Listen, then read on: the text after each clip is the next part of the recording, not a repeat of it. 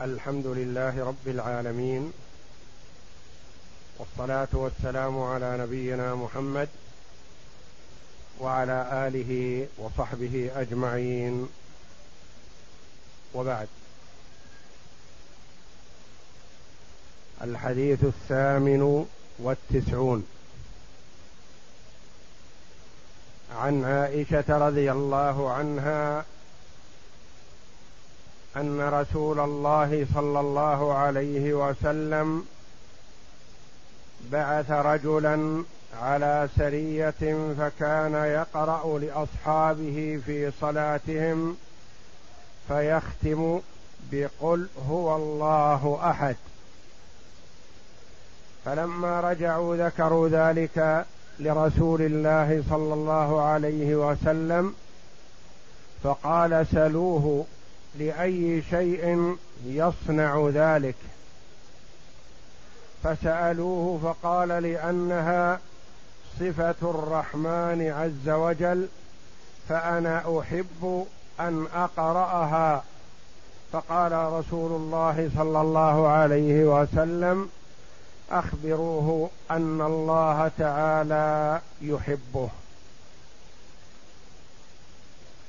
هذا الحديث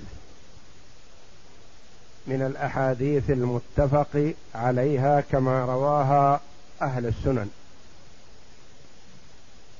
وأورده البخاري رحمه الله في عدد من المواضع. في كتاب الصلاة وفي كتاب التوحيد. والحديث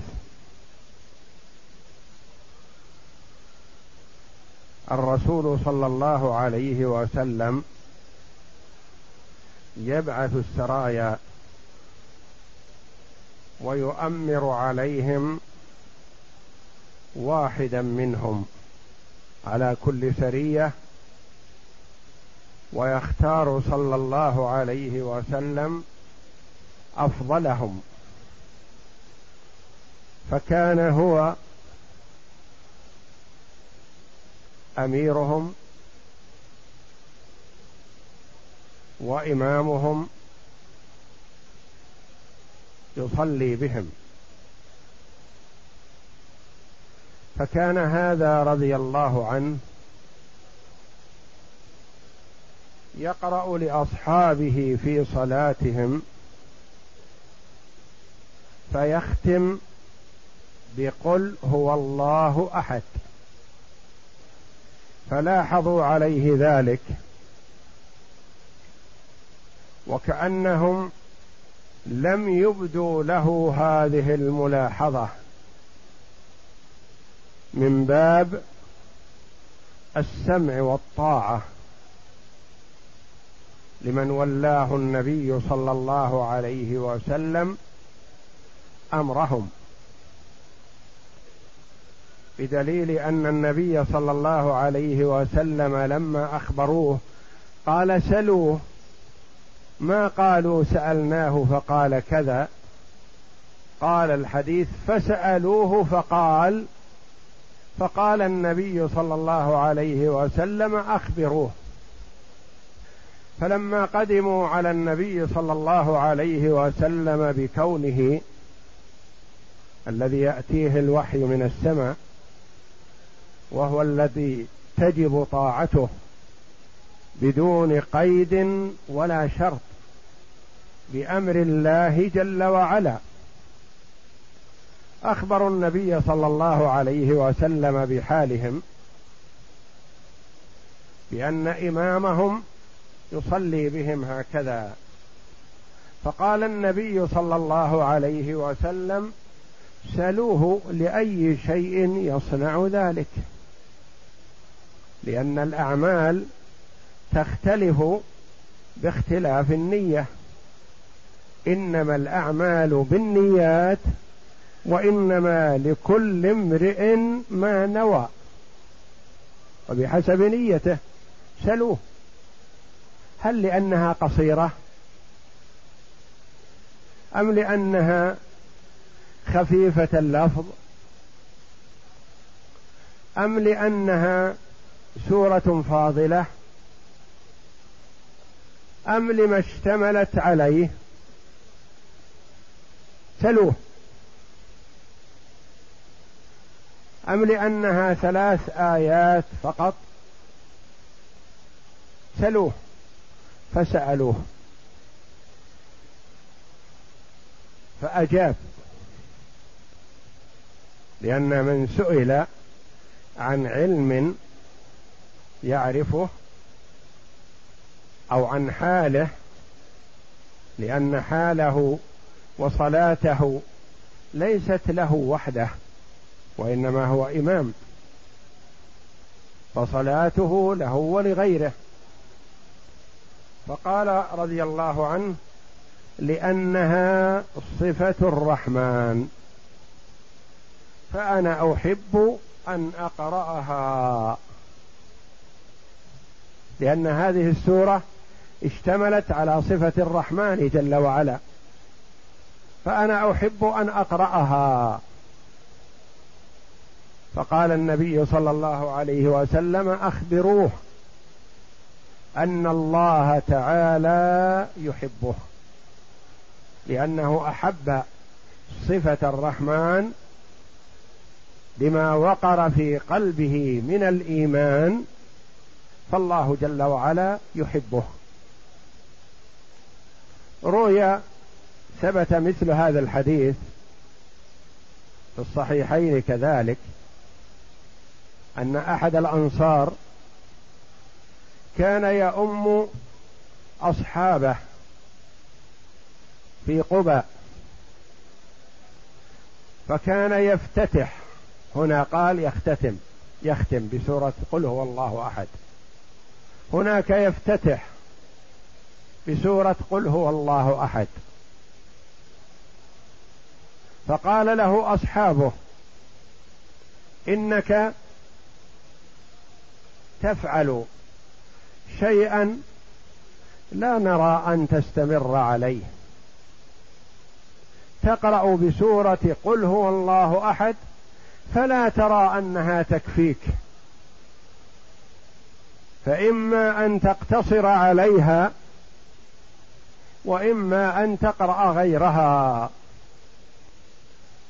فقال لا بد أن أصلي هكذا. إن أحببتم أن أصلي بكم. قال فكانوا يرونه من أفضلهم. وما أحبوا أن يتنحى عن إمامتهم.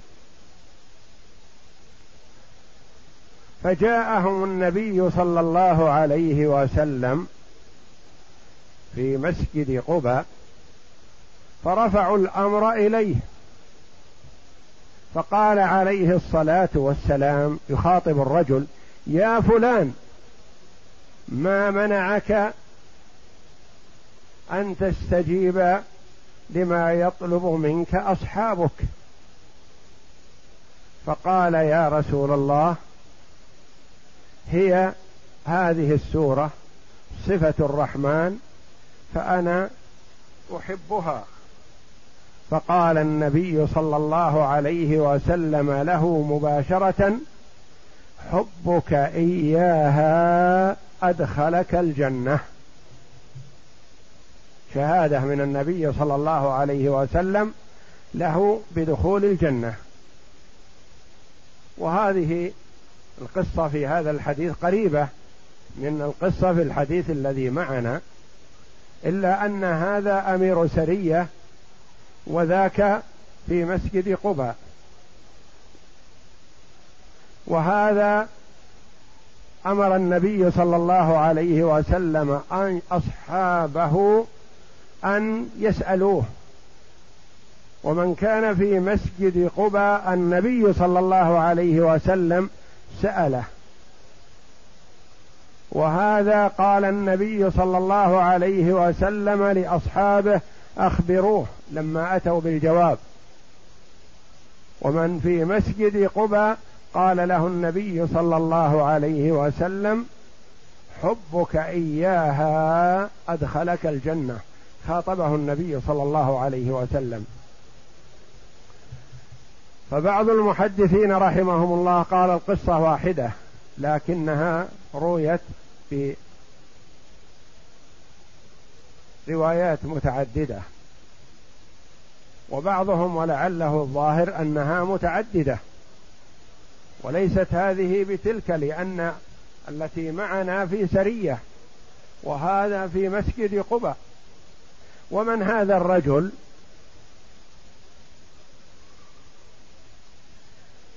قيل الذي في مسجد قباء هو كلثوم ابن الهدم بكسر الهاء كما ضبطه ابن حجر في فتح الباري رحمه الله. كلثوم بن الهدم من خيار الصحابة رضي الله عنهم أجمعين وهو الذي نزل عليه النبي صلى الله عليه وسلم في قبى لما وصل قبى عليه الصلاة والسلام. وأمير السرية قيل هو وقيل غيره والظاهر والله أعلم أنه غيره. لأن كلثوم كما ورد أنه توفي بعد وصول النبي صلى الله عليه وسلم المدينة بفترة وجيزة قبل أن يبعث صلى الله عليه وسلم السرايا. والحديث الذي معنا فيه فوائد عظيمة. اولا جواز قراءة قصار الصور في غير صلاة المغرب. على رواية من يقول إن هذا يختم بها. يعني يقرأ في الركعة الأولى غيرها ويقرأ في الركعة الثانية سورة قل هو الله أحد. وقيل هو لم يكن يفعل ذلك وإنما يختم بها بكل قراءة. يقرأ في الركعة الأولى ما تيسر ثم يختم بقل هو الله أحد. ثم يقرأ في الركعة الثانية ما تيسر ثم يختم بقل هو الله أحد. فيؤخذ منه فائدة أخرى وهي جواز الجمع بين سورتين في ركعة واحدة. وهو الذي دل عليه حديث مسجد قباء أنه كان يفتتح بقل هو الله أحد ثم يقرأ غيرها لأن أصحابه قالوا له فلا ترى أنها تكفيك. يعني تقرأها ولا ترى أنها تكفيك فتقرأ غيرها. ثانيا فضل سورة الإخلاص. قل هو الله أحد. واستحباب قراءتها. وهي سورة عظيمة. أخبر النبي صلى الله عليه وسلم في الحديث الصحيح أنها تعدل ثلث القرآن. وأمر صلى الله عليه وسلم بقراءتها استحبابا بعد كل فريضة أن يقرأ بها المرء. مرة واحدة ويكرر ذلك ثلاث مرات في صلاة الفجر وصلاة المغرب. من صلاة الفجر أول النهار وصلاة المغرب أول الليل. وهي اشتملت على توحيد الأسماء والصفات المتضمن لتوحيد الألوهية لأن من كان موصوفا بهذه الصفات بصفات الكمال هو المستحق وحده للعبادة لا شريك له. فلا يليق عقلا أن يكون موصوفا بهذه الصفات ويعبد غيره أو يجعل له شريك لأنه لا مثيل له ولا كفء له ولا ند له فهو الواحد الأحد الفرد الصمد جل وعلا. قال في فتح الباري قال القرطبي اشتملت قل هو الله أحد على اسمين يتضمنان جميع أوصاف الكمال وهما الأحد والصمد. فإنهما يدلان على أحدية الذات المقدسة الموصوفة بجميع أوصاف الكمال. وأما الصمد فإنه يتضمن جميع أوصاف الكمال لأن معناه الذي انتهى سؤدده بحيث يصمد إلي يصمد إليه في الحوائج كلها وهو لا يتم حقيقة إلا لله. فهذه السورة العظيمة قل هو الله أحد. أحد دلت على الوحدانية. أبلغ من واحد. الله الصمد الذي يصمد إليه الخلائق ويتوجهون إليه قاطبه لم يلد ولم يولد. فهو جل وعلا لم يلد لأن من يلد فله مثيل. الوالد ابنه يكون على غراره وعلى مثاله وقد يكون الابن أفضل من الأب. ولم يولد لا والد له فهو كما أنه لا ولد له فكذلك لا والد له. ومن يلد أو يولد لا بد أن يموت ما يبقى يخلفه ولده وهو جل وعلا حي لا يموت. ثم ختم السورة بقوله جل وعلا ولم يكن له كفوا أحد.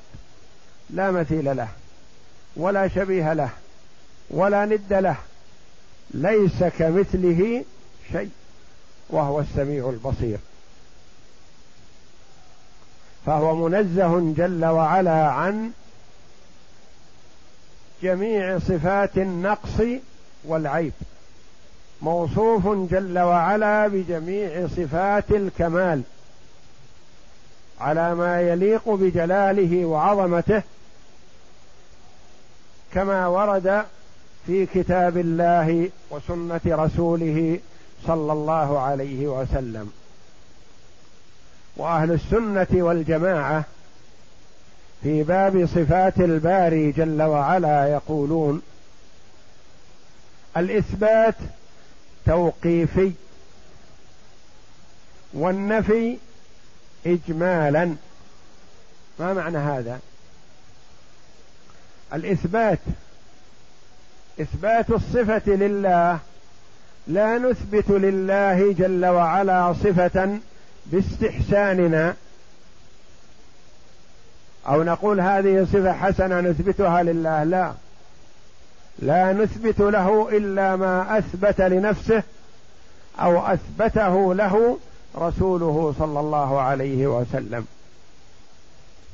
فالإثبات توقيفي على ما ورد في الكتاب والسنة لأن عقول البشر قاصرة عن أن تدرك حقيقة ما يوصف به الباري جل وعلا. فقد يستحسنون ما ليس بحسن ولا يليق بالله جل وعلا. والنفي اجمالا. نقول ليس كمثله شيء ولم يكن له كفوا أحد. ننفي عن ربنا جل وعلا جميع صفات النقص والعيب. أخذ من هذا الحديث تفضيل بعض القرآن على بعض. القرآن كله كلام الله جل وعلا. تكلم به جل وعلا حقيقة. منه بدأ وإليه يعود. فهو تنزيل من حكيم حميد. خلافا لأهل الضلال الذين قالوا بخلق القرآن والقرآن كلام الله صفة من صفاته جل وعلا وصفات الله جل وعلا تليق بجلاله. ولا يوصف الله جل وعلا ولا صفة من صفاته بأنه مخلوق. تعالى الله. كله كلام الله لكنه يتفاوت لما اشتمل عليه. فمثلا النبي صلى الله عليه وسلم يسأل أبي بن كعب رضي الله عنه. أي آية في كتاب الله معك أفضل؟ فقال الله ورسوله أعلم. فسأله ثانية. فقال أبي رضي الله عنه آية الكرسي. فضرب النبي صلى الله عليه وسلم صدره وقال ليهنك العلم أبا المنذر. كنية أبي بن كعب رضي الله عنه. فأفضل آية وأعظم آية آية الكرسي. وأفضل سورة سورة الفاتحة. الحمد لله رب العالمين. ما نزل في القرآن ولا في التوراة ولا في الإنجيل ولا في الزبور مثلها. وسورة قل هو الله أحد تعدل ثلث القرآن لما اشتملت عليه من صفات الباري جل وعلا. وقل يا أيها الكافرون تعدل ربع القرآن. فآيات القرآن وسوره تتفاوت. والبيت الذي تقرأ فيه سورة البقرة ينفر منه الشيطان ولا يدخله يهرب. والغراوان سورة البقرة وآل عمران. فآيات القرآن وسوره تتفاوت لما اشتملت عليه مما اشتمل عليه هذا الحديث أن العمل يتفاوت ويتفاضل بحسب النية. فبحسب نية المرء يكون ثواب عمله. على حسب النية. من قوله صلى الله عليه وسلم سلوه لما يصنع هذا. ماذا يكون جوابه؟ هل سيكون جوابه لأنها قصيرة؟ أو لأنها خفيفة أو لأنه يحفظها ويتقنها. أم لماذا؟ فأجاب رضي الله عنه بأنه يحبها. لو قال لأنها خفيفة أو سهلة ما كان جواب النبي صلى الله عليه وسلم له كما أجاب. لأن نيته تختلف. فقال لأنه يحبها. فقال أخبروه أن الله يحبه لأنه أحب صفة الله جل وعلا. اثنان يصومان في يوم واحد. أحدهما أجره عند الله جل وعلا عظيم والآخر قد لا يكون له أجر. والثالث قد يأثم. الأول صام تقربا إلى الله جل وعلا. وعبادة له. ولأن الله يحب الصيام فصام. ولأن ثواب الصيام لا يقدر قدره إلا الله فصام. والآخر لأنه أصبح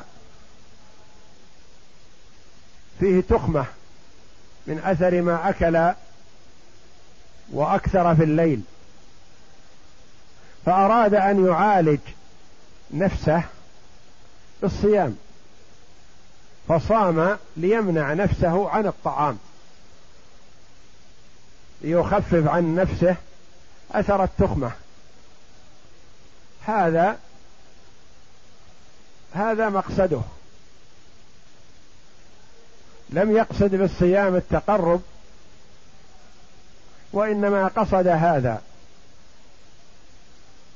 والثالث صام رياء وسمعة ليراه الناس.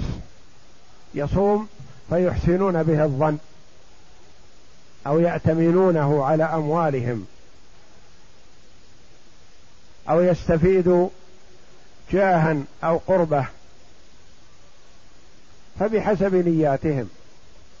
وكما قال عليه الصلاة والسلام إنما الأعمال بالنيات وإنما لكل امرئ ما نوى بحسب النية. دل هذا الحديث على فضل هذا الإمام الذي أمره النبي صلى الله عليه وسلم. ولا أفضل من أن يخبر بأن الله يحبه. إن الله يحب المتقين يحب التوابين وأنه ينبغي أن تكون الولاية والإمامة في الأفضل والأتقى والأصلح. لأنه يأخذ على يد من تحت ولايته فيقودهم إلى الخير والصلاح والاستقامة. وإذا كان بخلاف ذلك قادهم إلى ما يحب. فكان النبي صلى الله عليه وسلم يولي على السرية والجيش الخيار. فكان الوالي هو الإمام وهو القائد وهو الآمر. وهو الناهي وهو المؤدب وهو المرشد وهكذا. كذلك مما يؤخذ من هذا الحديث أن من أحب الله جل وعلا أحبه ومن أحب صفات الله جل وعلا أحبه الله ومن أحب القرآن أحبه الله. ومن أحب الصلاة والأعمال الصالحة أحبه الله. ومن أحب الرسول صلى الله عليه وسلم وخيار الأمة أحبه الله. فيتقرب المسلم إلى الله جل وعلا بمحبة الأعمال الصالحة ومحبة الأخيار من هذه الأمة. وأفضلهم محمد صلى الله عليه وسلم وصحابته. وكما ورد في الحديث أوثق عرى الإيمان الحب في الله والبغض في الله. أن تحب المرء لا لشيء من عرض الدنيا ولا لمعروف اسداه إليك وإنما لأنه قائم بأمر الله. لأنه رجل صالح لأنه تقي فأنت أحببته لتقواه. هذا حب في الله. الآخر أبغضته لا لعداوة بينك وبينه على أمر من الأمور الدنيوية ولا لأنه أساء إليك ولا لأنه ظلمك وإنما أبغضته لأنه فاسق. أبغضته لأنه فاجر. أبغضته لأنه عاص لله جل وعلا. فأنت أبغضته لله والأول أحببته لله. فهذا دليل على قوة إيمانك. أوثق عرى الإيمان الحب في الله والبغض في الله. وهذه صفة السلف الصالح. يوالون في الله ويعادون في الله. يؤخذ من هذا الحديث أن شرح حال الأمير للوالي الأعظم إذا كان على سبيل الاسترشاد وإظهار الحق أن هذا لا يسمى غيبة. فيقول كان أميرنا كذا وأميرنا يفعل كذا وأميرنا يقول كذا. فما كان حسنا أقره الوالي الأعظم.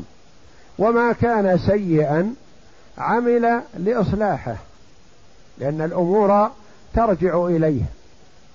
فلا يقال إن هذا من باب الغيبة وإنما هذا من باب شرح الحال وبيان ما هم عليه.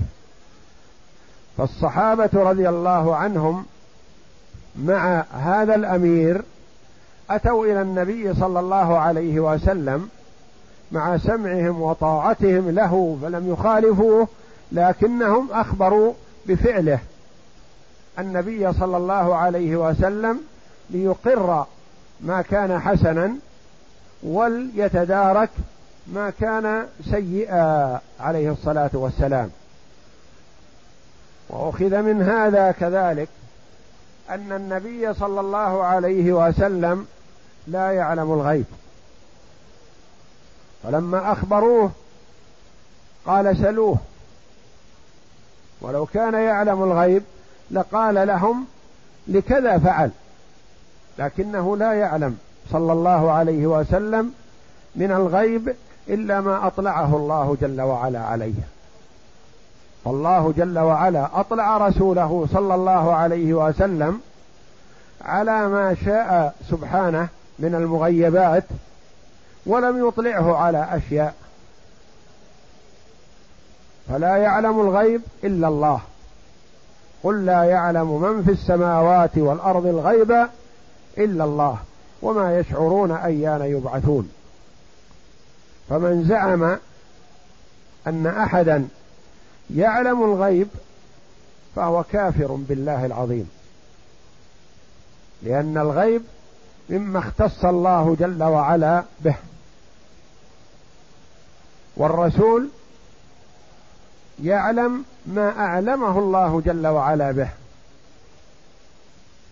الحديث التاسع والتسعون. عن جابر رضي الله عنه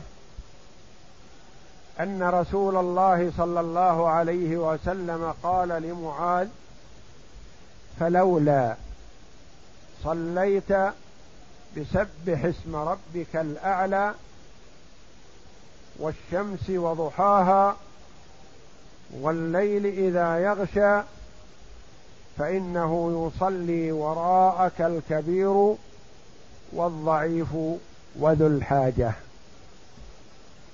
هذا من الأحاديث المتفق عليها كما رواه أهل السنن. وهذا جزء من حديث طويل. تقدم في باب الصلاة في كتاب الكافي في الفقه. وذلك أن معاذ بن جبل رضي الله عنه كان يصلي مع النبي صلى الله عليه وسلم صلاة العشاء محبة في أن يصلي خلف النبي صلى الله عليه وسلم. ثم يذهب إلى قومه فيصلي بهم صلاة العشاء. فهي له نافلة لأنه صلى الفريضة مع النبي صلى الله عليه وسلم وهي لهم فريضة.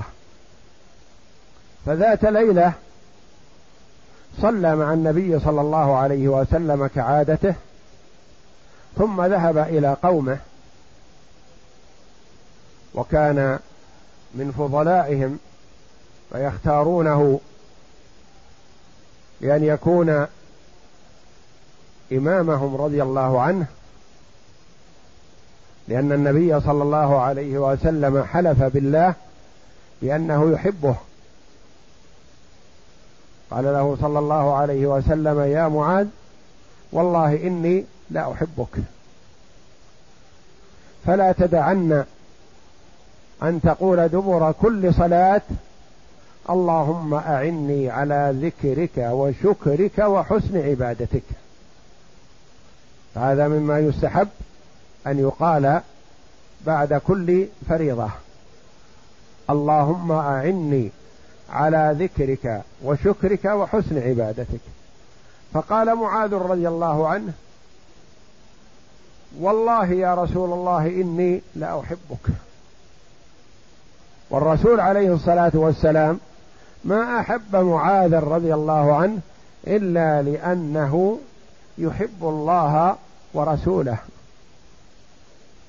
وإلا فكا وقد كان فقيرا لا مال له وعليه الدين الكثير. حتى تقدم أهل الدين يطالبونه عند النبي صلى الله عليه وسلم فلم يكن عنده سداد. وقد طالب بعضهم ببيعه ليستافوا من ثمنه رضي الله عنه وأرضاه. وهو من الأنصار. فالنبي صلى الله عليه وسلم يحبه لما وقر في قلبه من الإيمان بالله ورسوله. فذهب معاذ رضي الله عنه ليصلي بأصحابه وهم ينتظرونه لفضله. فشرع دخل في الصلاة ثم بدأ في سورة البقرة رضي الله عنه. متى ينتهي؟ فأحد الصحابة رضي الله عنهم أجمعين كان يعمل في حقله من الصباح ومعاذ رضي الله عنه شرع في سورة البقرة فتأخر قليلا وانفصل عن الإمام وصلى وذهب. فقال له بعض من رآه أو من حضر نافقت يا فلان؟ قال لا والله ما نافقت. وسأخبر النبي صلى الله عليه وسلم بفعل معاذ. ما نفقت ولكن لا طاقة لي بما فعل. وهذا رضي الله عنه يعرف صلاة النبي صلى الله عليه وسلم بأصحابه. فأصبح فذهب إلى النبي صلى الله عليه وسلم وأخبره. فجاء معاذ إلى النبي صلى الله عليه وسلم ولعله ليخبر عن حال الرجل. فقال النبي صلى الله عليه وسلم أفتان أنت يا معاذ؟ أفتان أنت يا معاذ؟ يلومه. فلولا صليت بسبح اسم ربك الأعلى والشمس وضحاها والليل إذا يغشى. لما؟ فإنه يصلي وراءك الكبير والضعيف وذو الحاجة. هؤلاء يحتاجون أن يرفق بهم. فلولا اولا النبي صلى الله عليه وسلم يعرض على معاذ من باب العرض وهو المشرع عليه الصلاة والسلام تقديرا لمعاذ رضي الله عنه ولفضله لكن قال له فلولا صليت بهذه السور هذه السور التي تناسب صلاة العشاء. لما؟ لأنه يصلي وراءك الكبير الكبير ما يطيق أن تقرأ سورة البقرة. والضعيف ضعيف البنية وذو الحاجة يصلي وراءك. أهله ينتظرونه ضيفه ينتظره في حاجة إلى الراحة والنوم لأنه يعمل من الصباح. وهذا الصحابي رضي الله عنه قال يا رسول الله نحن أهل نواضح وأهل حقل يعني نشتغل من الصباح إلى الليل فما بنا قدرة على قراءة سورة البقرة في صلاة العشاء. وفتان يعني تفتن الناس يعني تصرفهم عن دينهم. ترهقهم. للحاجة يراعى. فالنبي صلى الله عليه وسلم الرؤوف الرحيم بالأمة عليه الصلاة والسلام يقول راعى هؤلاء؟ وكأنه يقول إذا صليت لنفسك فأطل ما شئت. فالذي يقول صلى الله عليه وسلم لمعاذ صل بسبح اسم ربك الأعلى والشمس وضحاها والليل إذا يغشى. هو نفسه عليه الصلاة والسلام صلى في ركعة واحدة بالبقرة والنساء وآل عمران من قيام الليل صلوات الله وسلامه عليه. بهذه السور الثلاث صلاها في ركعة واحدة ومعه يصلي معه ابن مسعود. يقول حتى هممت بأمر سوء. قيل ماذا هممت به؟ قال أن أجلس وأدعه. فهو عليه الصلاة والسلام الرؤوف الرحيم بالأمة المعلم للأئمة بأن يراعوا أحوال من يصلي خلفهم. فإن كان المرء يعلم حال من يصلي خلفه جماعة معروفون محدودون ويرغبون الإطالة فليطل. إذا كان لا يحيط بهم ولا يعرف حالهم فلا بد أن يفرض أن معه هذا ومعه هذا ومعه هذا حتى يراعيهم. ولم يقل له صلى الله عليه وسلم فلو خففت القراءة لأن التخفيف لا ينضبط نسبي. فمثلا إذا كان يقرأ في ركعة مثلا سورة البقرة إذا قرأ نصفها في الركعة قيل خفف عن الركعة الأولى وإنما حدد له قال فلو صل فلولا صليت بسبح اسم ربك الأعلى والشمس وضحاها والليل إذا يغشى هذه محدودة حتى لا ترهق من يصلي خلفك؟ يؤخذ من هذا الحديث أن المتوسط في القراءة في الصلاة هذه السور المذكورة في الحديث وأمثالها يعني يقرأ بهذه وأمثالها إذا كان إمام قوم. ولا تتعين وإنما بقدرها. أنه يستحب للإمام مراعاة الضعفاء بتخفيف الصلاة في حال ائتمامهم به. وإذا صلى لنفسه فليطل ما شاء. أن من ولاه الله جل وعلا أمرا من أمور المسلمين أن عليه أن يرفق بهم ويلطف بهم ويسوسهم باللطف والرعاية والرفق وألا يشق عليهم. بأي ولاية كانت صغيرة كانت أو كبيرة. متحريا دعوة النبي صلى الله عليه وسلم. اللهم من ولي من أمر أمتي شيئا فرفق بهم فارفق به. ومن ولي من أمر أمتي شيئا فشق عليهم فاشقق عليه. فمن شق على الأمة الإسلامية شق الله عليه بدعوة النبي صلى الله عليه وسلم. ومن رفق بهم رفق الله به. حسن تعليم النبي صلى الله عليه وسلم مع بيان الحق جليا واضحا. لم يقل عليه الصلاة والسلام لمعاذ ينتهره أو يوبخه أو يلومه. قال فلولا فلولا صليت وبيان الحق واضحا جليا بدون لم يقل لمن جاء يشتكي معاذ معاذ على الحق لأن الرسول يحبه لا. حتى وإن كان يحبه بين له عليه الصلاة والسلام. وما صار في صفه. أرشده وبين له. والرسول صلى الله عليه وسلم بين خطأ معاذ في هذا مع كونه يحبه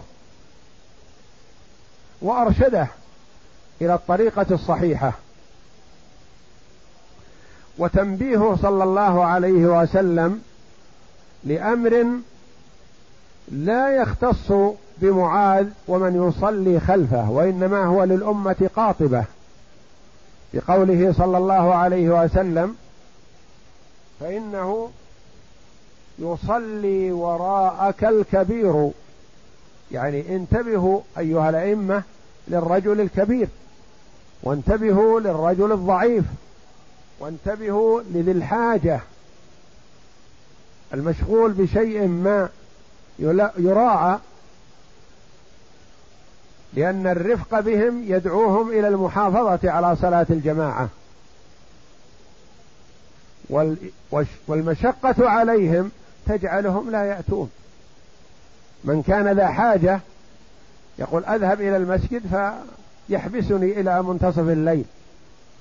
لا يا أخي صل الصلاة الخفيفة من أجل أن ترغب الناس في طاعة الله. ولهذا قال له صلى الله عليه وسلم أفتان أنت يا معاذ؟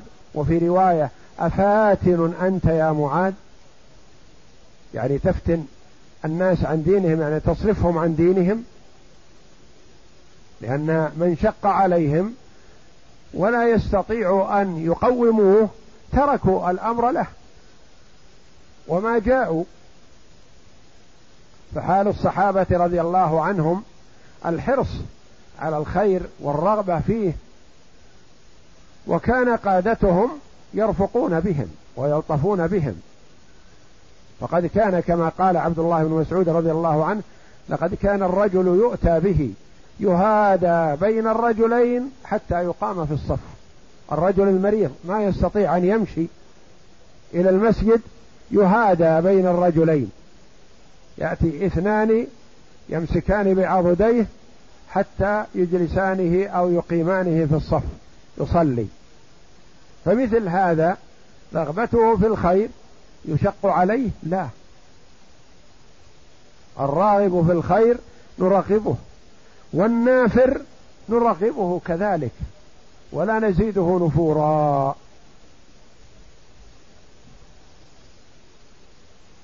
فهذه الفوائد العظيمة من هذا الهدي النبوي واضح جلي في السياسة الشرعية والتوجيه والتربية والتعليم فصلوات الله وسلامه عليه على نبينا محمد صلى الله عليه وسلم.